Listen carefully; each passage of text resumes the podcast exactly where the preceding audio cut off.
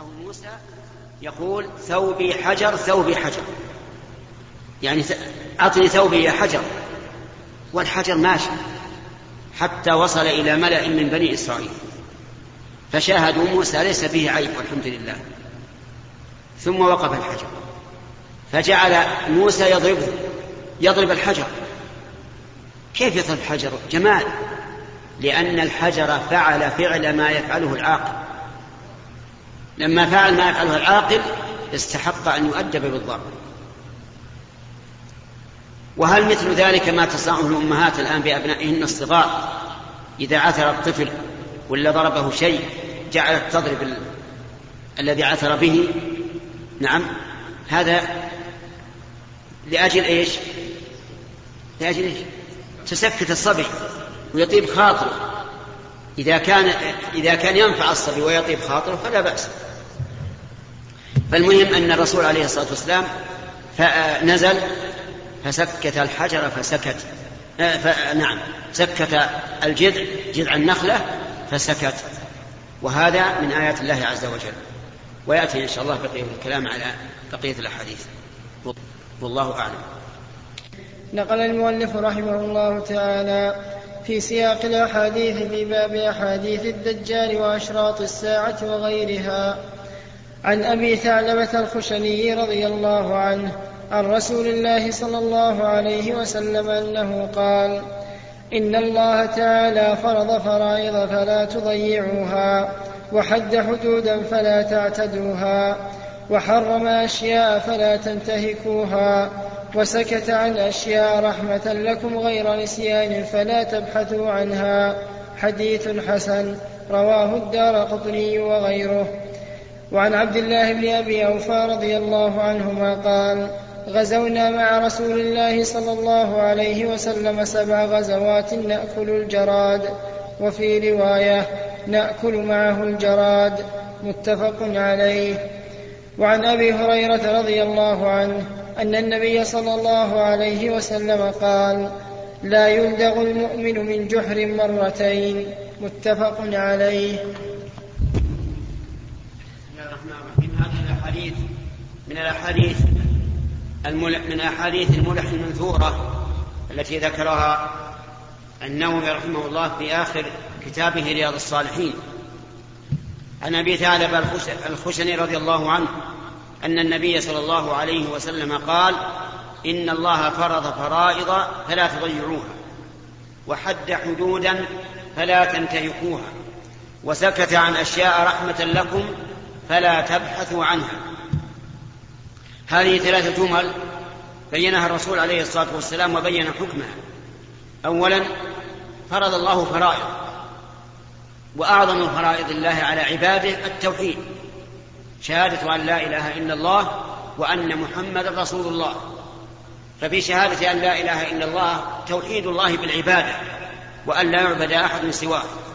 وفي شهادة أن محمد رسول الله توحيد النبي صلى الله عليه وسلم بالمتابعة بحيث لا يتابع أحد سواه. هذه أفرض الفرائض. ثم الصلوات الزكاة الصوم الحج بر الوالدين صلة الأرحام حسن الجوار الصدق النصيحة أشياء كثيرة فرضها الله تعالى على عباده. منها فرائض عينية على كل واحد من الناس ومنها فرائض كفاية إذا قام بها من يكفي سقط عن الباقي فالصلوات الخمس فرض عين لا بد على كل مسلم أن يقوم بها. والصلاة على الجنازة فرض كفاية. إذا قام بها من يكفي سقط عن الباقي وحد حدودا فلا تعتدوها. الفرائض قال لا تضيعوها بل احرصوا عليها وقوموا بها على الوجه المطلوب. وحد حدودا فلا تعتدوها. حد أشياء يعني جعل حد جعل لها حدا معينا. فالصلوات الخمس مثلا لها حد وهي أوقاتها. أوقاتها الظهر من زوال الشمس إلى أن يصير ظل كل شيء مثله بعد فيء الزوال. العصر من هذا الوقت إلى غروب الشمس الاختيار إلى اصفرار الشمس. المغرب من غروب الشمس إلى مغيب الشفق الأحمر. العشاء من مغيب الشفق الأحمر إلى نصف الليل. الفجر من طلوع الفجر إلى طلوع الشمس. هذه حدود. الصوم له حد. من طلوع الفجر إلى غروب الشمس الحج له حد. الحج أشهر معلومات في أماكن معينة. إلى غير ذلك. حد حدودا فلا تعتدوها لا تجاوزوها. قال الله عز وجل ومن يتعد حدود الله فقد ظلم نفسه. ومن يتعد حدود الله فأولئك هم الظالمون. وسكت عن أشياء رحمة لكم فلا تبحثوا عنها. سكت عن أشياء لم يوجبها علينا ولم يحرمها علينا. ولو شاء لأوجب علينا ما شاء ولحرم علينا ما شاء لكنه سكت عن أشياء لولا رحمته لألزمنا بها. وأضرب لكم مثلا بالصلوات الخمس. الصلوات الخمس أول ما فرضها الله على العباد خمسين صلاة. كانت خمسين صلاة. يصلي الإنسان في اليوم والليلة خمسين صلاة. ثم إن الله تعالى عفى وصارت خمسا بالفعل وخمسين في الميزان. وأشياء كثيرة عفى الله عنها ولو شاء لا ألزمنا بها. وفي قوله وسكت عن أشياء دليل على ما ذهب إليه أهل السنة والجماعة من أن الله تعالى يتكلم بصوت مسموع. لأن السكوت هو ضد الكلام. ضد الكلام بالصوت المسموع. وهو جل وعلا يتكلم بما شاء متى شاء كيف شاء. لا نعلم كيف يتكلم ولا نعلم متى يتكلم ولا نعلم بماذا يتكلم. لكن نؤمن بأنه إذا أراد شيئا قال له كن فيكون.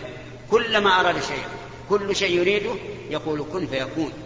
ولهذا لا تحصى كلمات الله عز وجل. قال الله تعالى ولو أن ما في الأرض من شجرة أقلام. يعني لو كانت جميع أشجار الأرض أقلام يكتب بها والبحر يمده من بعده سبعة أبحر ما نفدت كلمات الله. وقال عز وجل قل لو كان البحر مدادا لكلمات ربي لنفد البحر قبل أن تنفد كلمات ربي ولو جئنا بمثله مددا. ثم ذكر حديث عبد الله بن عباس رضي الله عنه قال غزونا مع النبي صلى الله عليه وسلم سبع غزوات نأكل الجراد معه نأكل الجراد معه الجراد معروف هذا الطائر المعروف وهو من الحلال. حلال للإنسان يأكله حيا وميتا. قال النبي عليه الصلاة والسلام أحلت لنا ميتتان ودمان فأما الميتتان فالجراد والحوت. ولهذا لا يحتاج لا يحتاج إلى تذكية. الجراد يؤكل حيا وميتا وهو صيد. فإذا كان في مكة حرم على الإنسان أن يصيده وحرم عليه أن يطيره من مكانه. ولقد هذا الجراد قبل العام في رمضان في مكة وصار الصبيان يلتقطونه من الحرم وما حوله وهذا حرام ما يجوز. يجب على من رأى الصبي يلتقطه أن يمنع وينهاه لأنه صيد محترم. لا يجوز أن يصاد في مكة بل ولا يجوز تطيرها قصدا. أما لو طارت وأنت مار فهذا ما عليك منها. لكن تبي تروح لما طيرة هذا ما يجوز. لا هذه ولا الجرادة ولا الحمامة ولا غيرها من الصيود. وفي هذا دليل على أن الصحابة رضي الله عنهم يستدلون بإقرار بتقرير الرسول عليه الصلاة والسلام. يعني إذا فعلوا شيئا وأقرهم عليه فإنه حلال. وهو كذلك لأن الرسول صلى الله عليه وسلم يستطيع أن يقول لا تفعلوا هكذا. لكن إذا سكت دل هذا على جوازه أما حديث أبي هريرة وهو الثالث فقال النبي صلى الله عليه وسلم لا يلدغ المؤمن من جحر مرتين. اللدغ لدغ الحية. المؤمن كيس فطن فطن محترز. لا يلدغ من جحر مرتين. يعني معناه أنه إذا حصل له شيء بأي عمل يكون فإنه لن يعود إليه. لماذا؟ لأنه حازم. لا يمكن أن يجدع نفسه مرة ثانية. بل إذا لدغ من جحر ترك وعرف أنه لا فائدة منه. فالمؤمن لا يلدغ من جحر مرتين. لأنه إيش؟ حازم فطن كيس. ما يمكن يغبن ولا يخدع. فدل ذلك على أنه ينبغي على أنه ينبغي للإنسان أن يكون فطنا وأن لا يعود لما أصاب لشيء أصابه منه ضرر بل يكون مؤمنا لأن هذا من كمال الإيمان. والله موفق.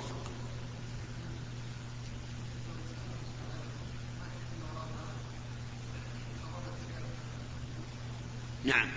حرم أشياء فلا تنكحوها نعم. حرم أشياء فلا تنتهكوها يعني لا تنتهك ما حرم الله عز وجل كما أنك لا تضيع ما أوجب الله. نعم. بسم الله الرحمن الرحيم. الحمد لله رب العالمين والصلاة والسلام على نبينا محمد وعلى آله وصحبه أجمعين.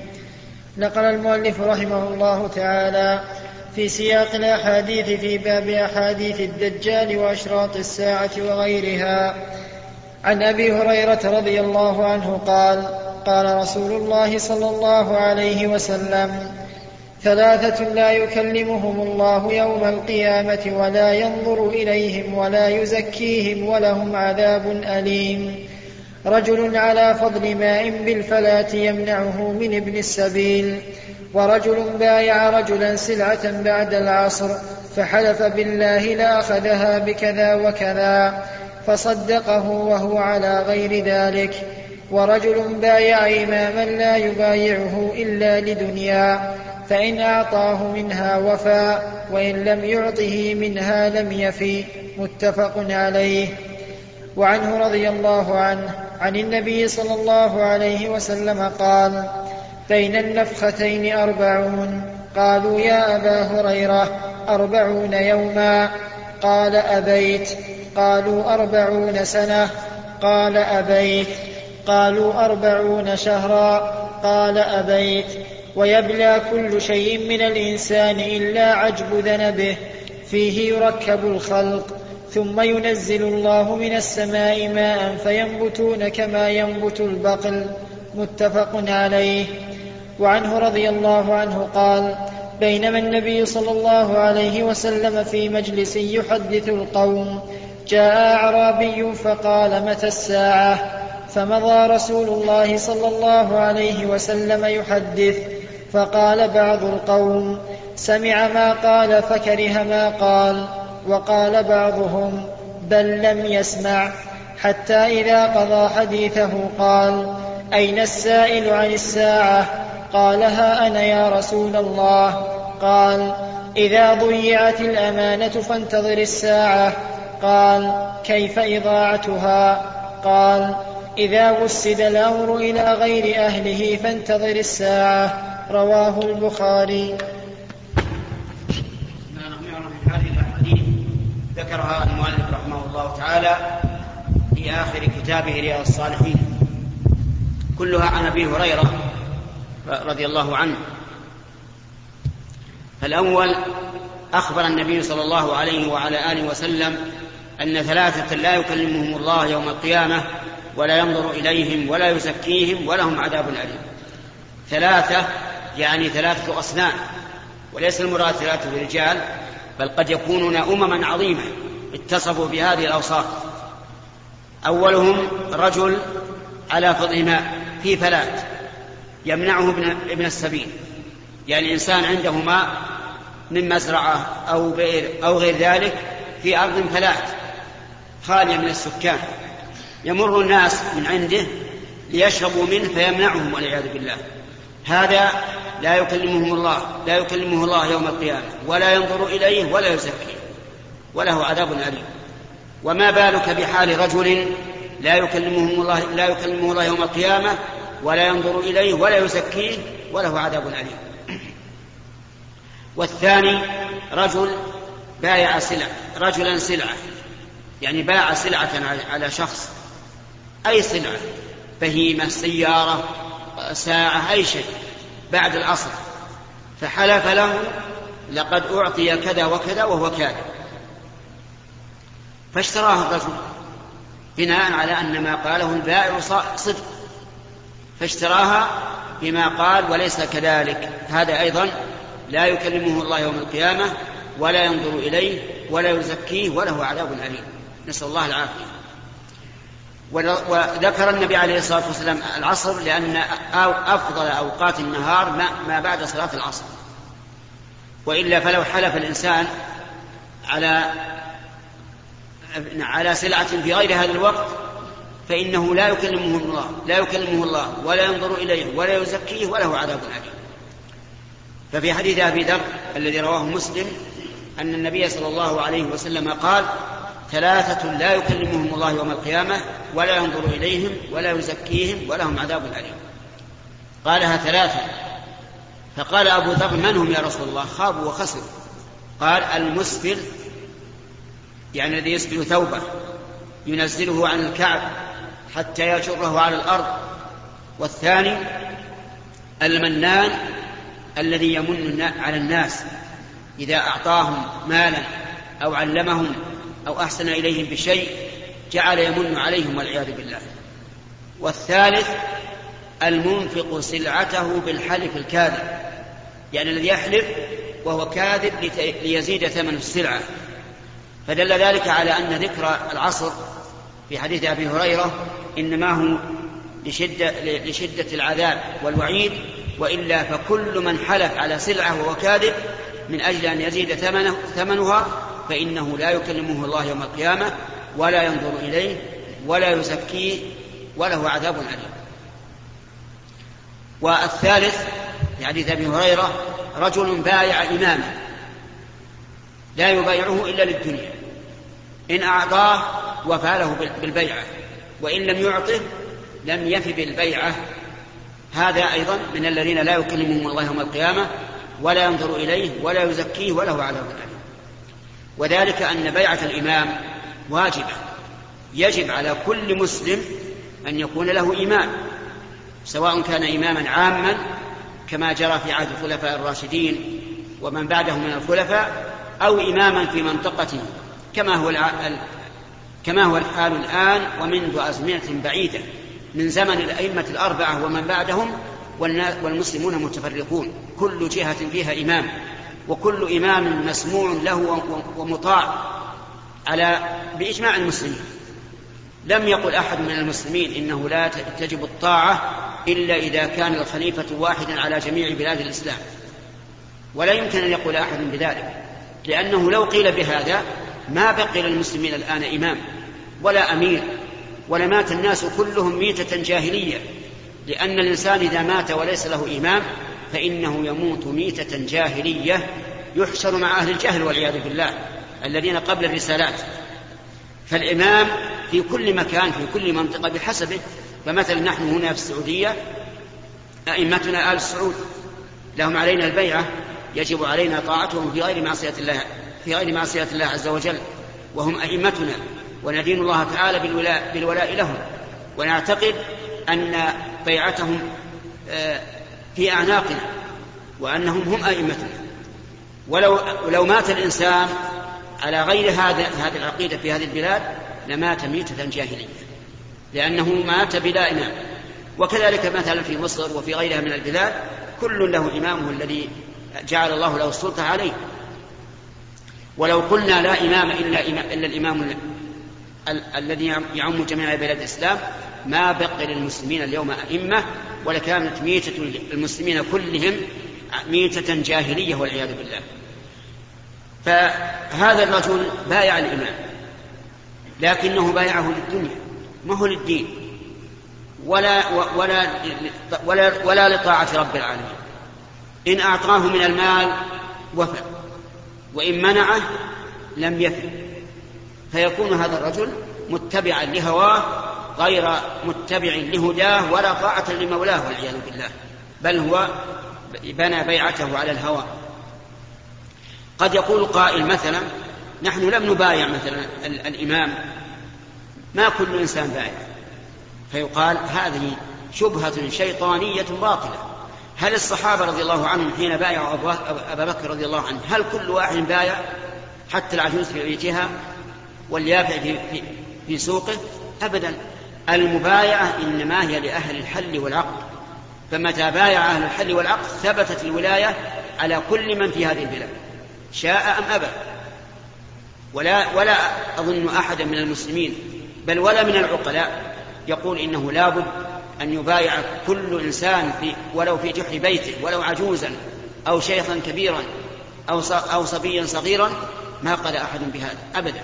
حتى الذين يدعون الديمقراطية في البلاد الغربية وغيرها ما يعملون هذا العمل. وهم كاذبون. حتى انتخاباتهم كلها مبنية على التزوير والكذب. ولا يبالون أبدا إلا بأهوائهم فقط. الدين الإسلامي متى اتفق أهل الحل والعقد على مبايعة إمام فهو الإمام. شاء الناس أم رضوا؟ أم أبوا؟ العلم والأمر كله لأهل الحل والعقد.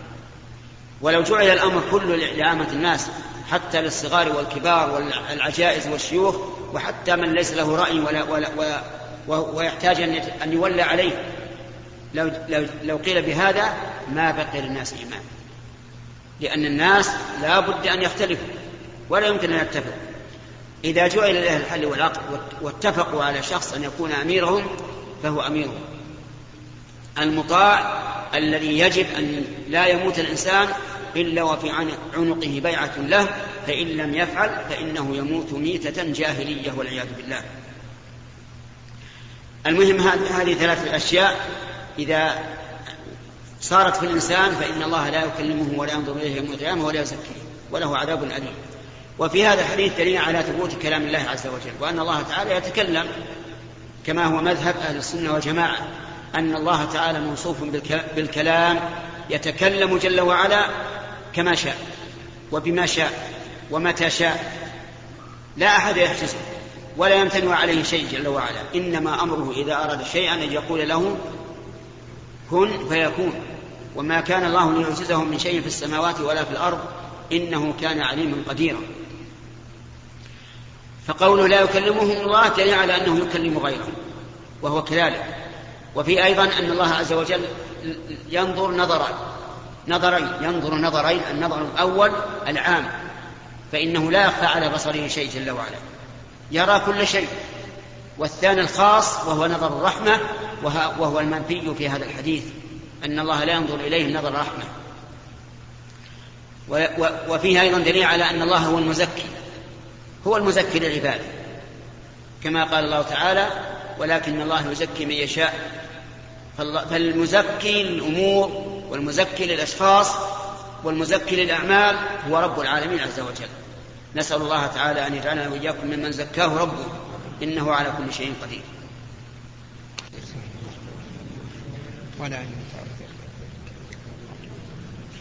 بسم الله الرحمن الرحيم. الحمد لله رب العالمين والصلاة والسلام على نبينا محمد وعلى آله وصحبه أجمعين. نقل المؤلف رحمه الله تعالى في سياق الأحاديث في باب أحاديث الدجال وأشراط الساعة وغيرها. عن أبي هريرة رضي الله عنه عن النبي صلى الله عليه وسلم قال بين النفتين أربعون. قالوا يا أبا هريرة أربعون يوما.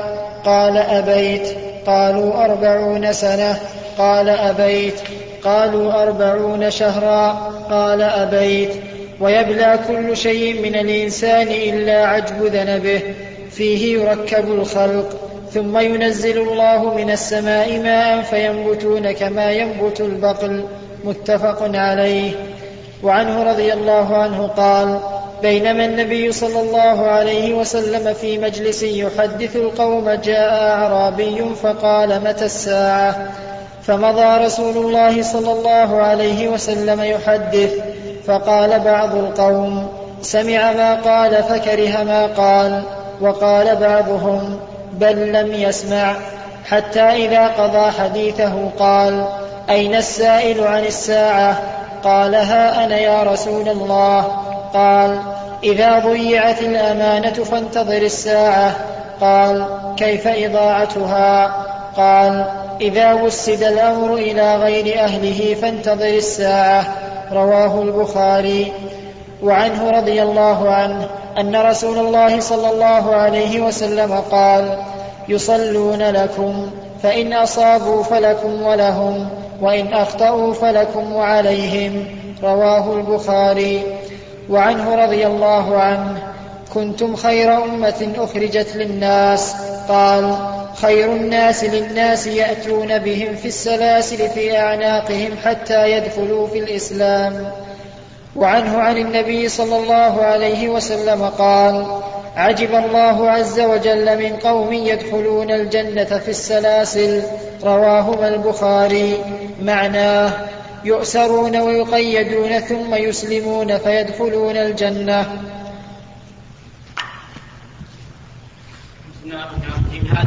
أحاديث من الملح والمنثورات وتقدم لنا شيء كثير منها.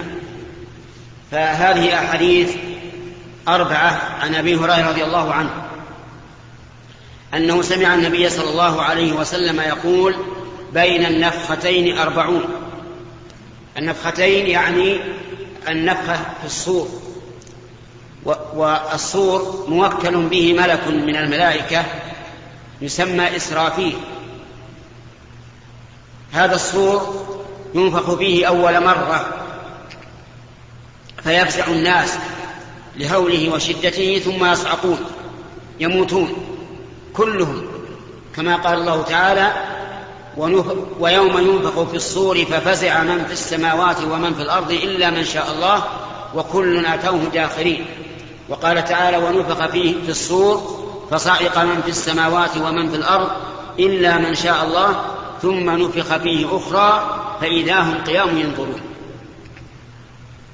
فالنفخة الأولى يكون بها الفزع والصعق يعني الموت والهلاك. والنفخة الثانية يكون فيها القيام فإذا هم قيام ينظرون. قيام من قبورهم ينظرون ماذا حدث. وذلك أن الله تعالى يرسل عليهم مطرا قبل ذلك. مطرا غليظا كمني الرجال ثم ينبتون في قبورهم كما ينبت حمير السيل. يعني حبة تنبت في الأرض وتخرج وتبرز. هم كذلك ينبتون ثم ينفخ بالصور النفخة الثانية فيخرج من هذا الصور كل نفوس العالم تخرج بإذن الله. وتذهب كل نفس إلى جسدها الذي كانت تعمره في الدنيا لا تخطئه سبحان الله عالم ما يحصيهم إلا الله. تخرج أرواحهم من هذا الصور كل روح تذهب إلى جسدها الذي تعمره في الدنيا. لا تخطئه بينهما أربعون. قيل لأبي هريرة أربعون يوما. قال أبيت. يعني لا لا يدري. قالوا أربعون سنة قال أبيت يعني لا يدري. قال قالوا أربعون شهرا قال أبيت يعني لا أدري. قال النبي عليه الصلاة والسلام بينهما أربعون فنقول كما قال الرسول عليه الصلاة والسلام والله أعلم. المهم أن هذا هو النفخ السور. ثم يقوم الناس ليوم الحساب يقوم الناس لرب العالمين فيحاسبهم. عفوا الحديث. يحاسبهم كل يحاسب بذنبه. إما وحسابه عز وجل دائر بين الفضل وبين العدل. ما في ظلم. لأن المحاسبة إما ظلم أو عدل أو فضل. حساب الله عز وجل دائر بين العدل والفضل. قال الله عز وجل فاليوم لا تظلم نفس شيئا ولا تجزون إلا ما كنتم تعملون.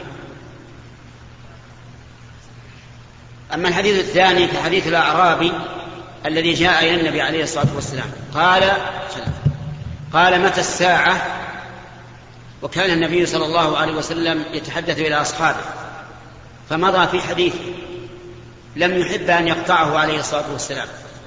وكأنه والله أعلم حديث متواصل. فقال قوم سمع ما قال فكره ما قال. والإنسان إذا كره سؤال السائل فلا حرج عليه أن لا يجيبه حتى لو سمعه لأنه قد يكون السائل ليس عنده حكمة وليس عنده حلم فيسأل سؤالا غير مناسب فللمجيب أن يدعه ولا يجيبه. وقال آخرون لعله لم يسمعه. فلما قضى النبي صلى الله عليه وسلم حديثه قال أين السائل؟ قال أنا يا رسول الله. متى الساعة؟ قال إذا وسد الأمر إلى غير أهله فانتظر الساعة. هذا الجواب. يعني إذا فسد الناس وكانت الأمور تسند إلى غير أهلها الفتوى تسند إلى الجاهل والإمارة تسند إلى السفيه والإدارة تسند إلى من لا علم عنده بالإدارة وهكذا. إذا وسد الأمر يعني أسند إلى غير أهله فانتظر الساعة. والخلاصة أنه إذا فسد الناس فانتظر الساعة لأن الساعة تقوم على شرار الخلق. ففي هذا التحذير من قلة الأمانة وأنه يجب أن يولى المناصب الأهل فالأهل لأن هذا مقتضى الأمانة. نعم. أما الحديث الثالث فهو أن النبي صلى الله عليه وسلم أخبر أن هناك أئمة يعني أمراء يصلون لكم فإن أساءوا فإن أحسنوا فلكم ولهم وإن أساءوا فلكم وعليهم. وهذا وإن كان في الأمراء يشمل أيضا الأئمة أئمة المساجد. يصلون لكم فإن أحسنوا في الصلاة وأتوا بها على ما ينبغي فذلك لكم ولهم. وإن أساءوا فلكم وعليهم. يعني ليس علي ليس عليكم أنتم من إساءتهم شيء بل الإساءة عليهم. وفي هذا إشارة إلى أنه يجب الصبر على ولاة الأمر وإن أساءوا في الصلاة وإن لم يصلوها على وقتها بل أخروها عن أول الوقت فإن الواجب أن لا نشد عنهم وأن لا ننابذهم.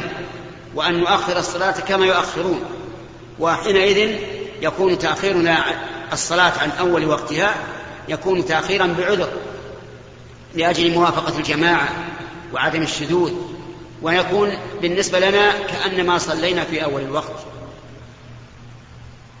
وفي هذا إشارة إلى أن الشذوذ عن الناس وعن ولاة الأمور والبعد عنهم وإثارة الناس عليهم ونشر مساوئهم كل هذا مجانب للدين الإسلامي. الدين الإسلامي يأمر بالخير والعدل وينهى عن الشر والفساد. حتى إن الله قال يا أيها الذين آمنوا كونوا قوامين لله شهداء بالقسط بالعدل. إذا ذكرت سيئة فاذكر الحسنه أما أن تسعى بذكر السيئات وتجحد الحسنات فهذا جور وظلم. والله تعالى لا يحب الجور. ولا يجرمنكم شنآن قوم يعني لا يحملكم بغض قوم على أن لا تعدلوا. اعدلوا هو أقرب للتقوى. فهؤلاء الذين يصلون ويؤخرون الصلاة عن وقتها نصلي معهم. لا نقول والله ما ما ما ما, ما نترك الصلاة في أول وقت نصلي في أول وقت لا. نؤخر معهم ولا ننابذهم. وتكون لنا الأجر وإذا كان التأخير فيه الوزن فعلى المؤخرين. فإن أصابوا فلكم ولهم وإن أخطأوا فلكم وعليهم الرابع نعم. والرابع حديثه أيضا حديث أبي هريرة عجب الله من قوم يقادون إلى الجنة بالسلاسل. وفسره المؤلف رحمه الله بأنهم قوم من الكفار يؤسرون ثم يسلمون فيكون هذا الأسر سببا لإسلامهم ودخولهم الجنة. اللهم موفق. الحمد لله رب العالمين والصلاة والسلام على نبينا محمد وعلى آله وصحبه أجمعين. نقل المؤلف رحمه الله تعالى في سياق الأحاديث في باب أحاديث الدجال وأشراط الساعة وغيرها. عن أبي هريرة رضي الله عنه عن النبي صلى الله عليه وسلم قال أحب البلاد إلى الله مساجدها وأبغض البلاد إلى الله أسواقها. رواه مسلم. وعن سلمان الفارسي رضي الله عنه من قوله أنه قال لا تكونن إن استطعت أول من يدخل السوق ولا آخر من يخرج منها فإنها معركة الشيطان وبها ينصب رايته. رواه مسلم. ورواه البرقاني في صحيحه عن سلمان قال قال رسول الله صلى الله عليه وسلم لا تكن أول من يدخل السوق ولا اخر من يخرج منها. فيها باض الشيطان وفرخ. وعن عاصم الأحول عن عبد الله بن سرجس رضي الله عنه قال قلت لرسول الله صلى الله عليه وسلم يا رسول الله غفر الله لك. قال ولك.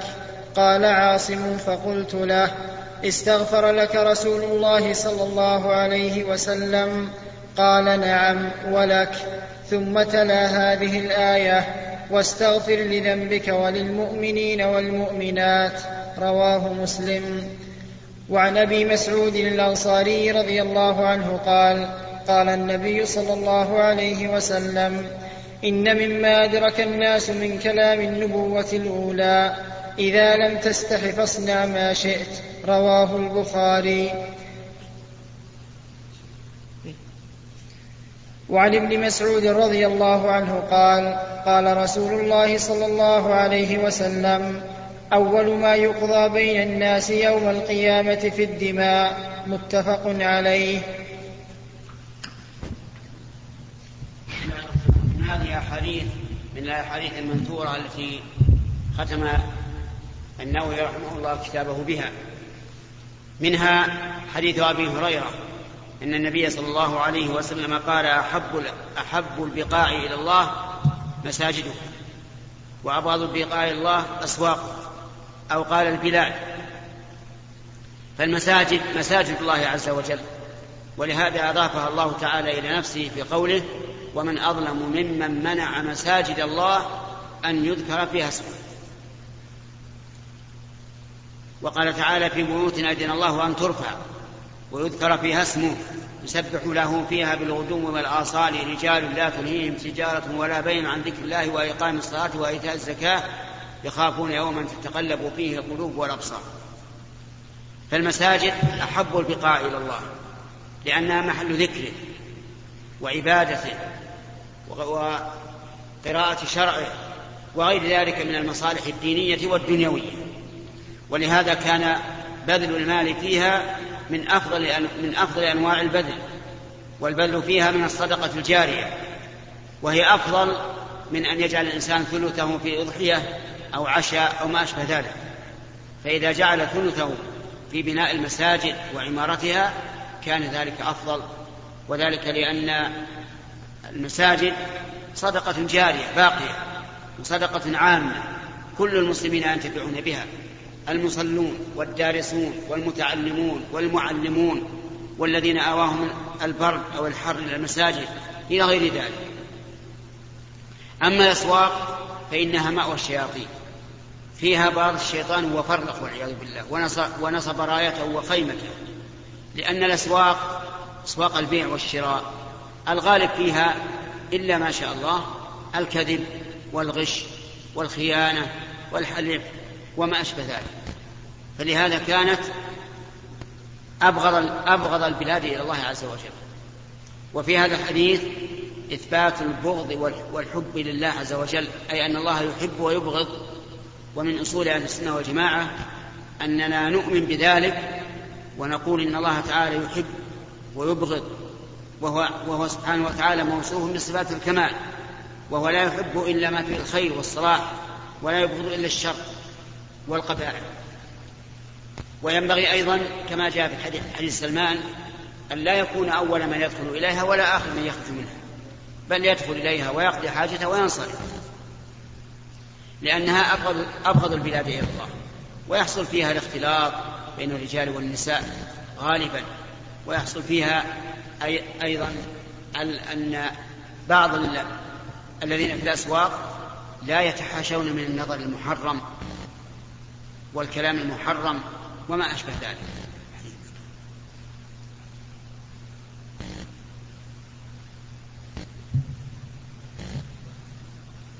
نعم. آه، أما حديث عبد الله بن سرجس رضي الله عنه فهو أنه سأل النبي صلى الله عليه وسلم أن يستغفر له فأجابه النبي عليه الصلاة والسلام. قال استغفر لي يا رسول الله. فقال فأجاب. وفي هذا دليل على أن النبي صلى الله عليه وسلم ليس كغيره. يعني يسأل منه الدعاء. أن الإنسان يقول يا رسول الله استغفر لي وهذا في حياته. أما بعد موته فلا يجوز. من سأل الرسول أن يستغفر له فهو مشرك كافر. لكن في حياته لا بأس. وقد أمر الله نبيه أن يستغفر لنفسه لذنبه وللمؤمنين والمؤمنات. فقال واستغفر لذنبك وللمؤمنين والمؤمنات. والمغفرة هي أن الله تعالى يستر العبد ولا يطلع الناس على ذنبه ويعفو عنه ويتجاوز عنه لأن مأخوذة من الستر والوقاية وهو المغفر لا إله إلا الله ولا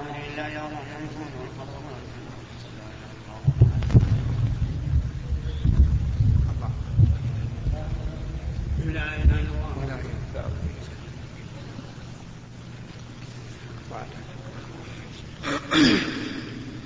بسم الله الرحمن الرحيم. الحمد لله رب العالمين والصلاة والسلام على نبينا محمد وعلى آله وصحبه أجمعين. نقل المؤلف رحمه الله تعالى في سياق الأحاديث في باب أحاديث الدجال وأشراط الساعة وغيرها. عن ابن مسعود رضي الله عنه قال قال رسول الله صلى الله عليه وسلم أول ما يقضى بين الناس يوم القيامة في الدماء متفق عليه. وعن عائشة رضي الله عنها قالت قال رسول الله صلى الله عليه وسلم خلقت الملائكة من نور وخلق الجان من مارج من نار وخلق آدم مما وصف لكم رواه مسلم. وعنها رضي الله عنها قالت كان خلق. كان خلق نبي الله صلى الله عليه وسلم القرآن رواه مسلم في جملة حديث طويل وعنها رضي الله عنها قالت قال رسول الله صلى الله عليه وسلم من أحب لقاء الله أحب الله لقاءه ومن كره لقاء الله كره الله لقاءه فقلت يا رسول الله أكراهية الموت فكلنا نكره الموت. قال ليس كذلك. ولكن المؤمن إذا بشر برحمة الله ورضوانه وجنته أحب لقاء الله فأحب الله لقاءه. وإن الكافر إذا بشر بعذاب الله وسخطه كره لقاء الله وكره الله لقاءه. رواه مسلم. من الأحاديث المنثورة التي ذكرها النووي رحمه الله في آخر كتابه رياض الصالحين. منها حديث عبد الله بن مسعود رضي الله عنه أن النبي صلى الله عليه وسلم قال أول ما يقضى بين الناس يوم القيامة في الدماء وذلك أن الله تعالى يفصل يوم القيامة بين العباد ويحكم بينهم. أما فيما بينه وبين العباد فحكمه دائر بين العدل والفضل. إما أن يجازي بالعدل وإما أن يجازي بالفضل. وأما في فيما بين الناس بعضهم مع بعض فيجازي بالعدل. فكل إنسان منهم يعطى حقه بدون نقص ولا زيادة. فأول ما يحاسب عليه العبد من حقوق الله الصلاة. أول ما يحاسب عليه الصلاة فإن كان قد أحسنها فقد أفلح وأنجح. وإن كان قد ضيعها فهو لما سواها أضيع. لأن من ضيع الصلاة فلا آمر له بالمعروف ولا نهي له عن منكر. كما قال تعالى أتل ما أوحي إليك من الكتاب وأقم الصلاة إن الصلاة تنهى عن الفحشاء والمنكر. أما فيما بين العباد فأول ما يقضى بينهم بالدماء القتل. هذا أول شيء. ثم الأموال والأعراض والقتل تارة يكون بحق وتارة يكون بغير حق والمقصود بذلك القتل بغير حق فهذا هو أول ما يقضى فيه بين الناس يوم القيامة وفي هذا الحديث إثبات القضاء يوم القيامة وأنه حق وأنه لا بد أن يعطى كل مظلوم مظلمته لكن ها هنا مسألة ترد. يأتي إنسان إلى شخص يكون قد ظلمه بغيبة أو قذف أو ما أشبه ذلك ثم يطلب منه السماح بعد أن تاب إلى الله وندم فيقول لصاحب الحق اسمح لي أنا مذنب وأنا الآن أستغفر الله وأتوب إليه اسمح لي ويعتذر ولكن صاحب الحق لا يقبل. يقول لا ما أسمح أنا أريد حق يوم القيامة. فهنا نقول إذا علم الله من, من العبد صحة التوبة فإن الله تعالى يتحمل عنه حق هذا الآدمي الذي أبى أن يسامحه. ومثل ذلك أيضا المال. لو أن إنسانا كان بينك وبينه مشاجرة وجحدت ماله وكان في ذمتك له مال لكنك جحدته ثم بعد ذلك تبت إلى الله وأقررت به وذهبت إليه